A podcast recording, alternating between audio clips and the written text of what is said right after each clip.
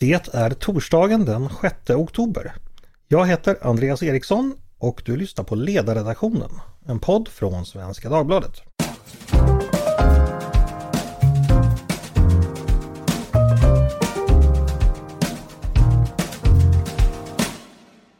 Varmt välkomna ska ni vara. Tidigare den här veckan meddelade den nya majoriteten i riksdagen att man vill stoppa utbyggnaden av nya höghastighetsbanor för tåg i Sverige. Detta besked eh, kom genom en gemensam motion som då Moderaterna, Kristdemokraterna, Liberalerna och Sverigedemokraterna skrev eh, med anledning av att regeringen eh, håller på att anta den nya nationella infrastrukturplanen där alltså dessa höghastighetsbanor ingår. Hittills är kanske inte alla detaljer kända exakt om vad detta stopp innebär. Men ämnet höghastighetståg är ju väldigt intressant och det har diskuterats i många år. Eh, så därför tänkte jag att vi skulle ägna dagens podd åt det. Den process som vi nu är inne i den inleddes under den förra borgerliga regeringen faktiskt. Eh, Sverigebygget hette det då. Och flera av delprojekten i det här stora projektet de närmar sig faktiskt byggstart. Eh, men vad är egentligen ett höghastighetståg? Eh, vad är nyttan med det? Hur är det tänkt att fungera? Vad finns det för för respektive nackdelar? Och är de värda pengarna? Det ska vi diskutera idag och med mig har jag två gäster, nämligen Sebastian Stischler som är professor i järnvägsteknik och föreståndare för Järnvägsgruppen på KTH och Jakob Lundberg som är doktor i ekonomi och chefsekonom på den marknadsliberala tankesmedjan Timbro. Varmt välkomna båda två! Tack. Tack så mycket. Ja, vi ska väl börja lite med eh, enkla, torra fakta. Eh, Sebastian, när vi vardagligen pratar om att vi ska bygga svenska höghastighetsbanor, vad är det exakt vi, pratar om då? Vart ska de gå? Hur snabbt ska tågen gå? Och eh, hur är det tänkt att fungera? Det handlar om eh, nya tågförbindelser, alltså nya dubbelspår från Stockholm via Jönköping både till Göteborg och ner till Malmö. Mm. Och ja, hastigheten. Vi kommer nog in mer på det. Men det kan man diskutera, kan jag ja. säga tills vidare. Men det är tänkt att gå fortare än det går idag helt enkelt? Fortare än idag, det är säkert, ja. Mm. Och det är nya banor också ska sägas. Det är inte så att man ska riva bort de gamla rälsarna utan man ska bygga helt, helt nya järn, järnvägar. Ja. ja. Mm. Just det. Eh, du som forskar kring tåg och sådär. Vilka fördelar är det som tåget har när det gäller transporter eh, jämfört med, med andra sätt att förflytta människor och eh, även varor. Tåg har två väldigt viktiga systemegenskaper. För det första är det extremt energieffektivt framför allt när det gäller elektriska tåg som är drivna eller får strömmen via kontaktledningen. Förlusterna är väldigt små, som sagt, extremt energieffektivt och eh, transportkapaciteten i förhållande till eh, utrymmesbehovet är väldigt stort också. Och båda är ju väldigt gynnsamma egenskaper. Mm, just det.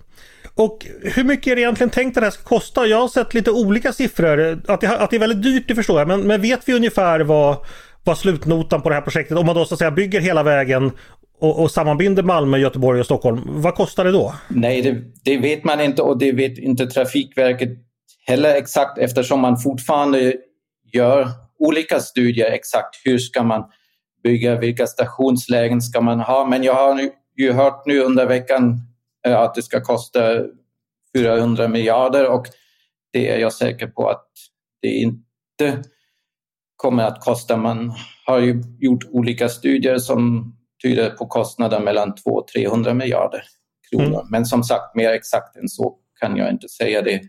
Kan ingen idag. Okej, okay, då fick vi en första introduktion till höghastighetsbanor. Eh, Jakob, vill du komplettera någonting där med, det, med den beskrivningen? Ja, nej, vi vet ju att det är väldigt dyrt med höghastighetståg. Det är ju det vi kan vara säkra på. Jag tror Trafikverkets senaste bedömning är 325 miljarder. De säger man kanske kan komma ner på 260 om man gör lite avkall på miljökrav och sådär. Men om man tittar erfarenhetsmässigt är det ju snarare att det brukar gå åt andra hållet. Att det blir dyrare än vad man trodde från början. Så att det här kommer bli väldigt, väldigt dyrt, kostar väldigt mycket pengar. Om man, de här 325 miljarderna det motsvarar då 4 000 kronor per centimeter kan man räkna ut. Och det är klart, det är väldigt dyrt. Och det är för att man måste bygga mycket broar och tunnlar och så vidare. Det måste vara väldigt raka spår som går fram genom landskapet. Eh, mm. Och för att förekomma mitt senare resonemang, så det, det är inte värt pengarna helt enkelt. Det här är alldeles för dyrt. Ja, vi, vi, kommer till det. Eh, eh, eh, ytterligare en fråga till dig Sebastian. Det har ju talats ibland om att dels så ska man kunna åka snabbt mellan Stockholm och Göteborg. Men det är väl också meningen att man ska stanna på, på vägen och så att säga att man ska utöka arbetsmarknadsregionerna runt om i landet. Eh, så båda de målen, kan de uppfyllas med högst, höghastighetståg? Eller är det, är det mål som är så att säga, verkar de emot varandra? Eller är de paradoxala? Eller går det att göra båda och? Nej, det, de går inte emot varandra och det är exakt meningen och det är viktigt att nämna det också. Det påstås ju ibland att det är bara för folk som vill förflytta sig snabbt mellan Stockholm och Göteborg, Stockholm och Malmö, men så är det ju absolut inte. Som du säger, att förstora arbetsmarknaderna är ju en väldigt viktig del att ha snabbgående regionaltåg så att man till exempel kan bo utanför storstäderna men ändå jobba där. Det är en väldigt viktig del i det hela också. Man skulle kunna tänka sig att man exempelvis då bor i Jönköping och kan pendla över dagen in till Göteborg ifall ja, det skulle behövas. definitivt. Mm.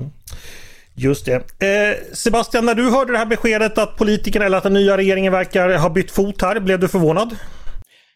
Nej, jag blev inte förvånad.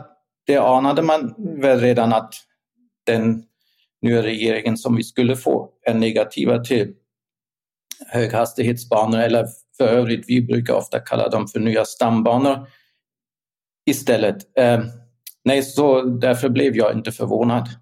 Mm. Jakob, du då? Var det här väntat tycker du också?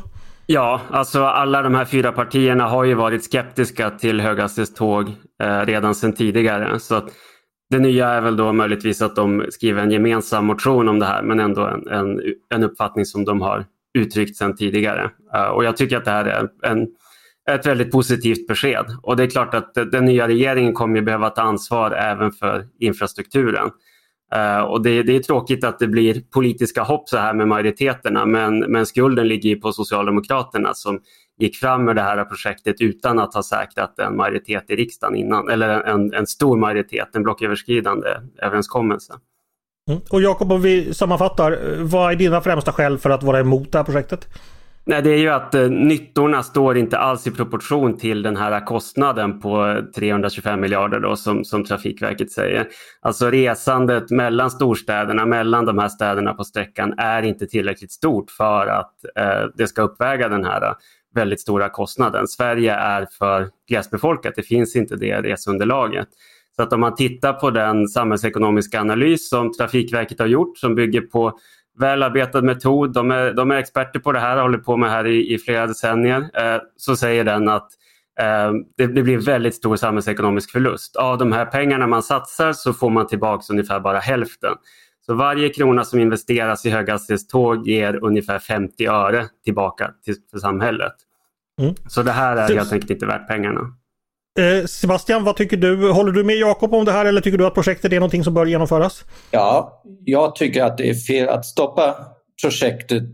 Det blir i princip omöjligt att uppfylla våra klimatmål eh, inom transportsektorn om vi inte satsar betydligt mer på järnvägstransporter i framtiden och för att kunna göra det måste vi utöka kapaciteten vi kan öka kapaciteten en del i det befintliga järnvägsnätet men det kommer absolut inte att räcka i det långa loppet. Vi måste ha mer kapacitet och som jag sa inledningsvis, även om man elektrifierar andra transportslag är elektrifierad järnväg fortfarande det mest energieffektiva transportmedlet.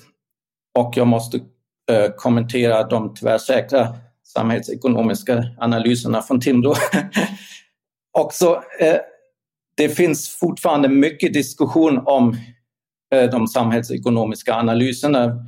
Vi på KTH har länge varit tveksamma till de som har gjorts och tror att eh, de inte ger realistiska resultat. Att samhällsnyttan är mycket större än vad de prognoser förutspår.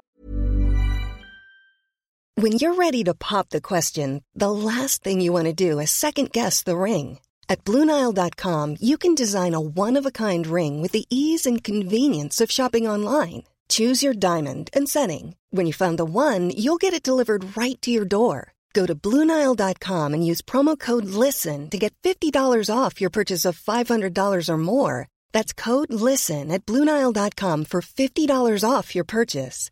Bluenile.com code LISTEN. Vi, vi ska återkomma till de här eh, analyserna, men en fråga till dig Sebastian. Ibland hör man ju sägas att de här pengarna vi lägger på höghastighetståg skulle komma till bättre användning om vi så att säga rustar upp och löste flaskhalsarna i det, i det gamla systemet. Eh, tycker du det argumentet är, är rimligt? Nej, man pratar ju så gärna just nu om att man måste kunna ha två saker i huvudet samtidigt och det tycker jag verkligen här också.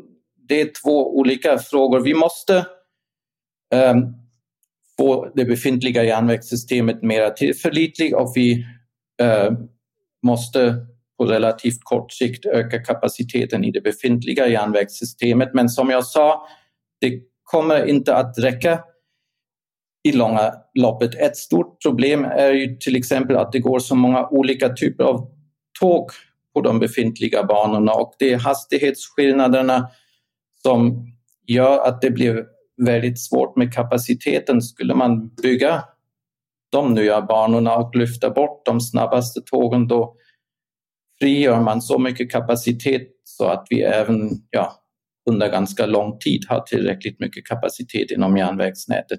Mm. Jag ska bara skjuta in en fråga där som ligger lite vid sidan men som jag ändå är nyfiken på. Vilket skick har det, det existerande järn, de stambanorna idag? De är ju byggda för ganska länge sedan men jag antar att de har underhållits under tiden. Eh, behövs, hur stora investeringar behövs i existerande nät, Sebastian? Tyvärr har det ju byggts upp en ganska stor underhållsskuld. Man jobbar ju hårt på att få undan den men det har man inte riktigt hunnit med så det är inte i det skicket som man skulle vilja att det är. Det kommer att ta tid men det är ju också ett problem. Det befintliga järnvägsnätet är så hårt belastat just nu att det är svårt att hitta tider att underhålla det och ju högre belastningen blir desto svårare blir det att hitta tid för underhåll. Mm. Eh, Jakob, nu fick du lite mothugg här. Dels att eh, höghastighetsbanorna behövs för, för eh, eh, nå klimatmålen och dels att vi behöver en större kapacitet och att eh, det helt enkelt inte kommer räcka med att eh, lappa och laga det vi redan har. Vill du kommentera någonting av det kanske? Ja, först angående klimatpolitiken. Alltså järnvägssatsningar är ingen bra klimatsatsning. Eh, för det är så att Sverige är ett eh, gräsbefolkat eh, stort land eh, och på de allra flesta sträckor så kan inte järnvägen konkurrera. I och med att det handlar om att det behövs väldigt koncentrerade resandeströmmar. Så att därför så används ju vägarna nu för till 90 procent av persontransporterna i Sverige. Bilen står för 75 procent av persontransporterna i Sverige. Trots att politikerna under många år har satsat väldigt mycket på järnväg, väldigt mycket subventioner går till järnväg och till kollektivtrafik samtidigt som skatterna på bilismen är relativt höga. Men ändå så väljer då svenskarna bilen för tre av fyra transporter. Och det, det säger ju någonting. Um, och, ja, även för att lösa klimatutmaningen. Lösningen på det är ju eh, att elektrifiera fordonsflottan. Vi måste se till att man kan köra fossilfritt. Annars så kommer det inte gå att lösa klimatutmaningen oavsett. Eh, och då blir också vinsten för överflyttning från, från bil till tåg betydligt mindre. Eh, och, och, det visar ju erfarenheterna också att även om man investerar väldigt mycket pengar i järnväg, bygger nya järnvägar, så kommer man inte kunna få till den här stora överflyttningen. Alltså tåg är, är jättebra för resor mellan centrala Stockholm och centrala Göteborg till exempel. Eh, men det är en väldigt liten del av resandet i Sverige eh, och därför så sker den största delen av resandet med bil. Eh, Sebastian, vill du, vill du komplettera eller ja, motsäga någonting där?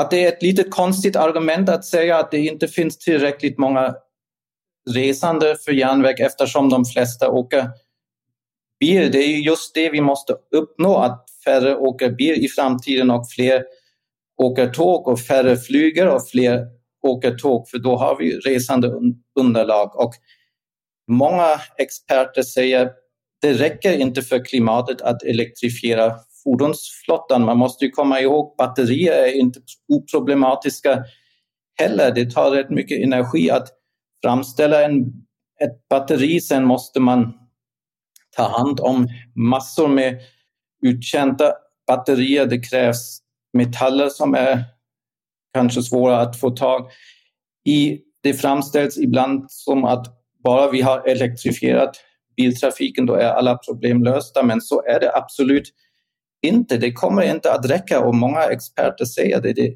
räcker inte för att nå klimatmålen. Vi måste flytta över trafik också. Ja, det kommer vara väldigt svårt att flytta över. Alltså redan idag går det ju fortare att åka tåg mellan Stockholm och Göteborg till exempel. Men ändå så är ju bilen det största transportslaget om vi tittar på resor mellan Stock Storstockholm och Storgöteborg. Och det beror ju på att då måste man ta sig in till centrum, byta tåg. Eh, om man ska åka från eh, Upplands Väsby till Kungsbacka eller så, då är det ofta smidigare att ta bilen. Och Det är den typen av resor som är den, står för den allra största delen av, av resandet i Sverige. Sen får man inte glömma bort utsläppen från byggtiden också. Alltså jag tror, om jag minns rätt så är det 7 miljoner ton koldioxid som man räknar med kommer bli utsläppen från byggandet av den här höghastighetsjärnvägen. Och det kommer ta 350 år att tjäna in enligt ja, analyserna.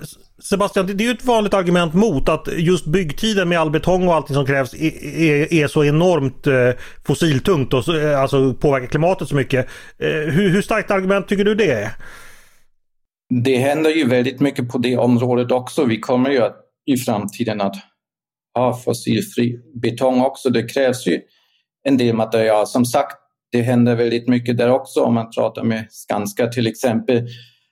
Och dessutom är det väldigt lång livslängd på en järnvägslinje så man kan ju slå ut det på väldigt många år där man sen tjänar in CO2-utsläpp igen.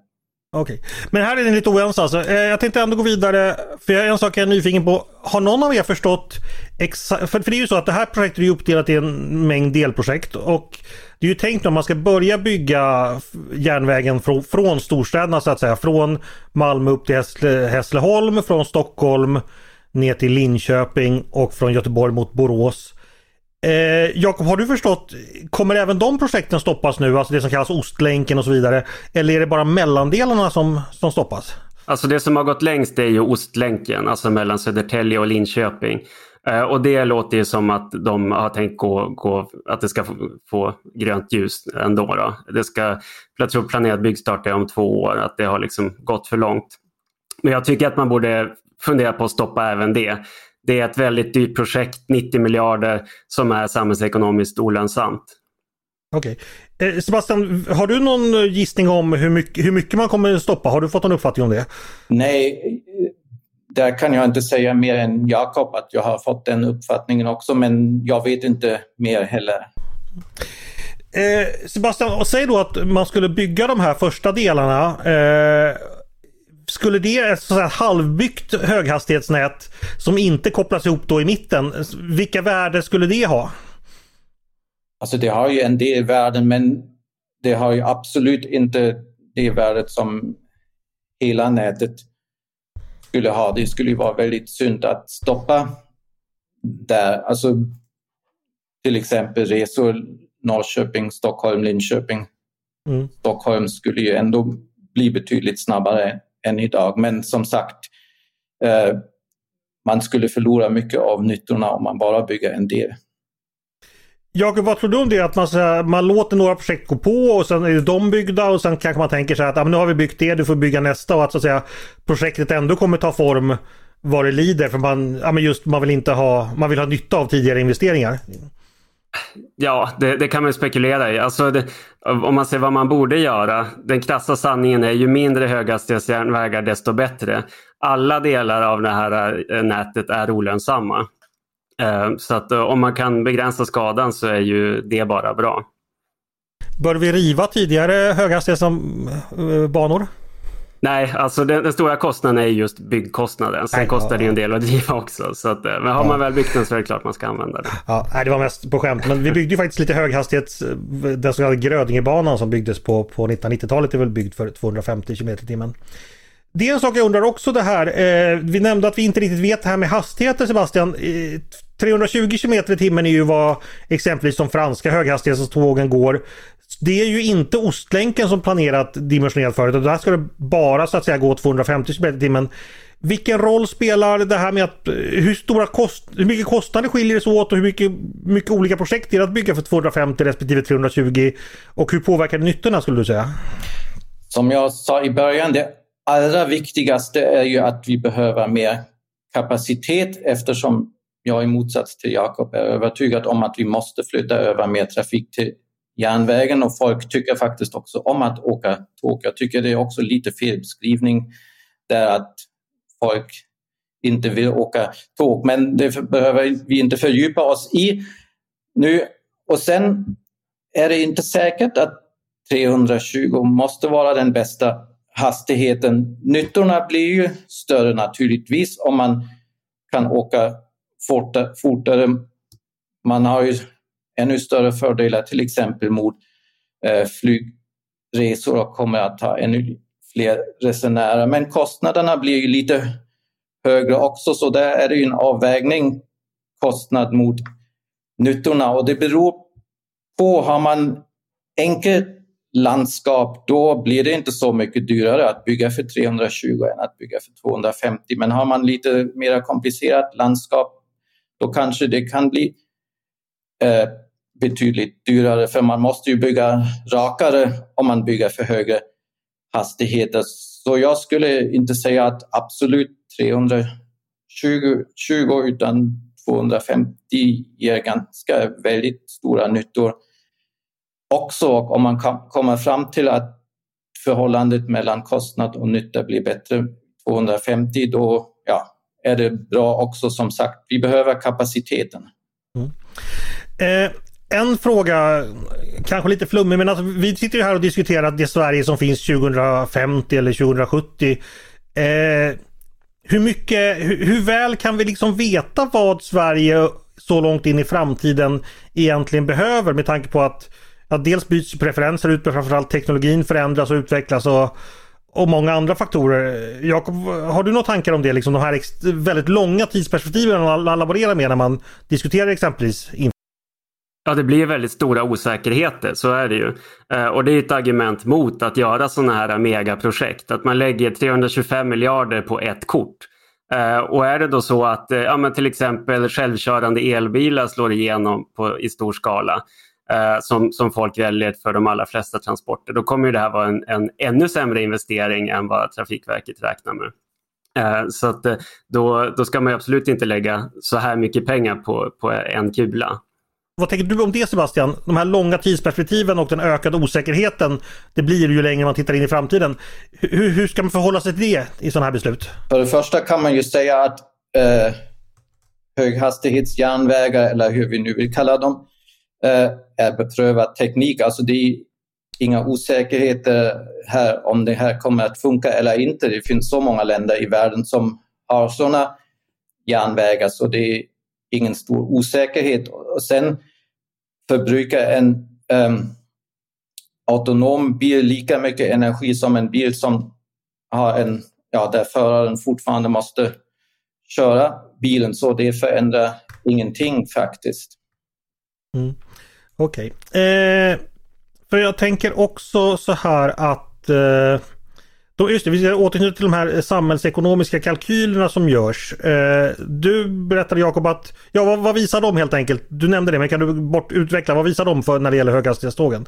De visar på en samhällsekonomisk förlust på 280 miljarder kronor. Alltså en förlust på ungefär 30 000 kronor per invånare. Eh, och om man sätter det i relation till den, den totala byggkostnaden så att säga, då blir det ungefär då 50 öre på varje krona som man investerar.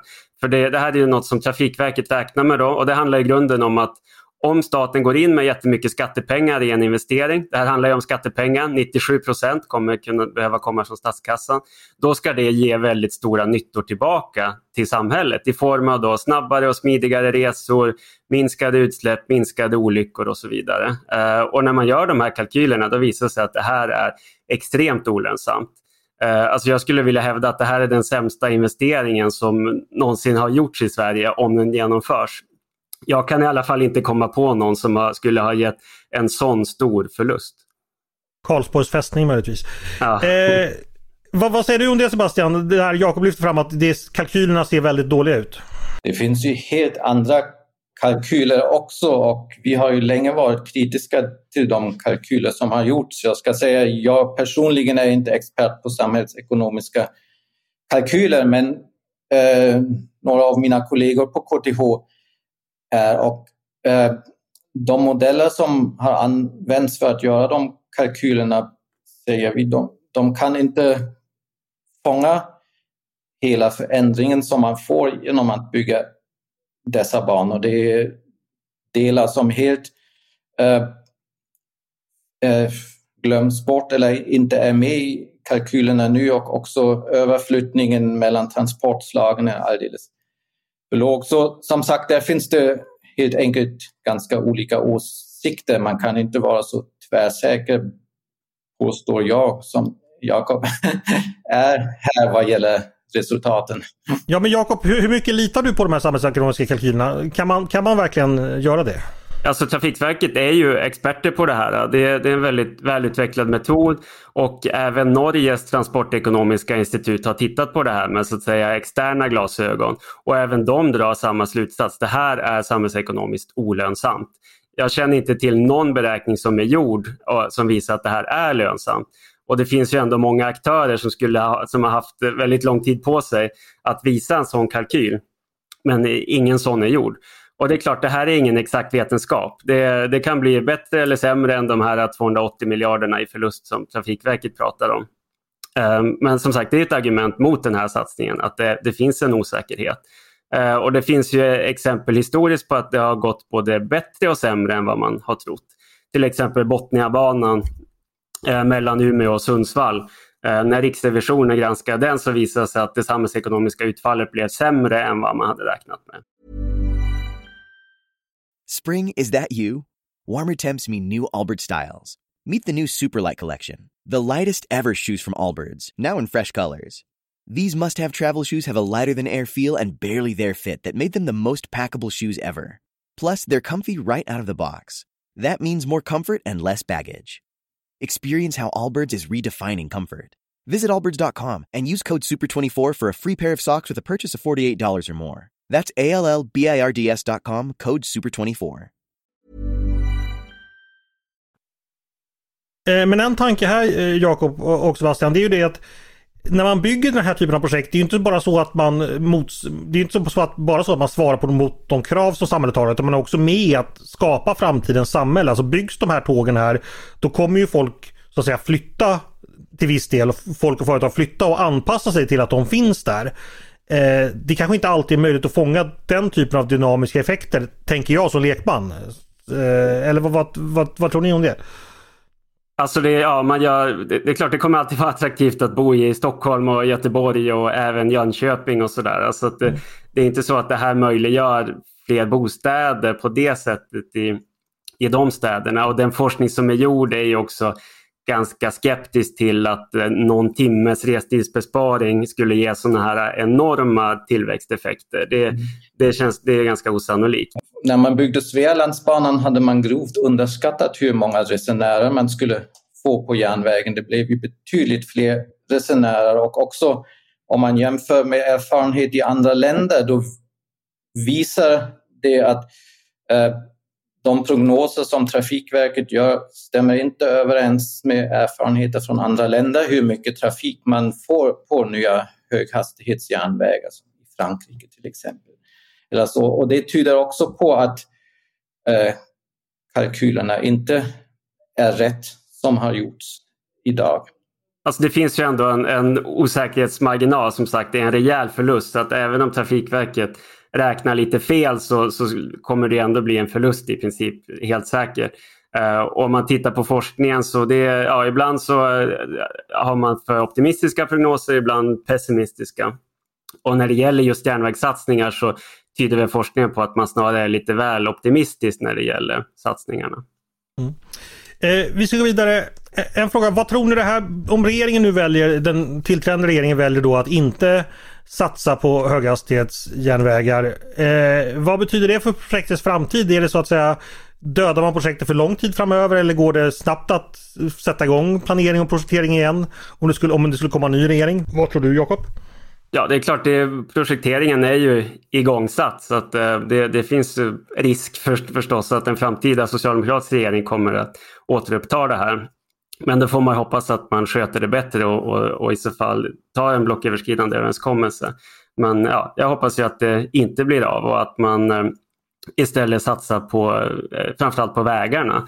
Det, Trafikverket visar att det finns många lönsamma satsningar på bättre framkomlighet och bättre trafiksäkerhet på vägnätet som inte, man inte har råd med helt enkelt. På grund av att eh, det här blir en gökunge som tränger ut mycket annat.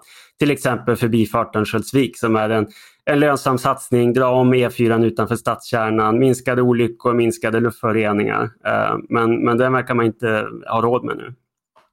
Det kan jag berätta för er som lyssnar att eh, Övik är en av de städer där E4 går verkligen rakt genom stan fortfarande med, med trafikljus och allting. Liksom. Så ja, att, eh, kan jag skriva under på. Ja, det är ett speciellt ställe. Eh, men samma fråga till dig Sebastian. Ifall det här stoppas då, eh, hur, hur, snabbt skulle det kunna återupptas ifall vi får en ny regering eller ifall den nuvarande regeringen eller kommande regeringen ändrar sig? Ja, det är som Jakob säger, man skulle kunna ta upp det igen. Planering finns ju, även om man skulle pausa den kan man ju eh, återuppta den. Så om man säger stopp nu betyder det ju inte att man säger stopp för all framtid. Och eh, en till kort kommentar. Eh, jag försökte ju säga det, man kan inte reducera det till bara en ekonomisk fråga, även om, ja, även där har vi lite olika åsikter, Jakob och jag, men det finns klimatmål som vi måste uppnå också. Det får man inte glömma. Det är inte bara en ekonomisk fråga det här. Mm. Eh, en fråga ytterligare. När de här eh, planerades, jag nämnde ju då det här så kallade Sverigebygget. Det var ju också en eh, stor förhandlingsrunda man gjorde när man var ute i landet. Statens förhandlingsman och genomförde den så kallade Sverigeförhandlingen då där kommuner och regioner, eh, dels slantade de väl upp lite pengar men det handlade också om att de skulle bygga bostäder i enlighet med de här framtida projekten. Den förhandlingslösningen och det avtalet, vad spelar det för roll? Vad har det spelat för roll för det här projektet och vad spelar det för roll inför framtiden? Tror ni? Vad, vad säger du Sebastian? Ja, jag tror många kommuner kommer att vara ganska besvikna. Nu som du sa, det fanns ju avtal om att bygga bostäder ja, i utbyte mot att man skulle få bra järnvägsförbindelser. Och jag tror också några kommuner som förmodligen ja, är styrda av partier som ingår i den nya regeringen kommer att vara besvikna där att man nu, ja, att man uppfattar att regeringen kanske inte infriar sina löften. Mm. Eh, Jakob, samma fråga till dig. Sverigeförhandlingen, vad har den betytt? Och vad betyder den för frågan? Ja, alltså när det gäller att eh, man kan tycka att kommunerna borde kunna bygga bostäder utan att bli mutade med en jättestor olönsam järnväg av staten. Eh, och, och, som sagt, det här är ju staten som kommer behöva stå för i princip hela den här kostnaden. Och, och, Riksrevisionen har ju tidigare kritiserat den här typen av upplägg och visat att kommunerna ofta inte levererar på de här eh, bostadslöftena som, som de ger utan att det, det blir väldigt lite i slutändan ändå. Mm. Eh, vi ska ta och runda av. Jag tänkte att nu tycker ni väldigt olika om det här projektet. Så jag tänker ni får väl då eh, göra varsin av uh, slutord vardera och liksom argumentera varför ni tycker så olika. Eh, vem vill börja? Jag kan börja. Alltså det här ja. är en, en, väldigt dyr satsning. Eh, om den är väldigt dyr så måste den också ge väldigt mycket tillbaka till samhället. Eh, och det vet vi av de kalkyler som är gjorda, som är granskade av externa aktörer, som är gjorda enligt de, de bästa metoderna inom fältet, att det här ger inte tillräckligt mycket tillbaka till samhället.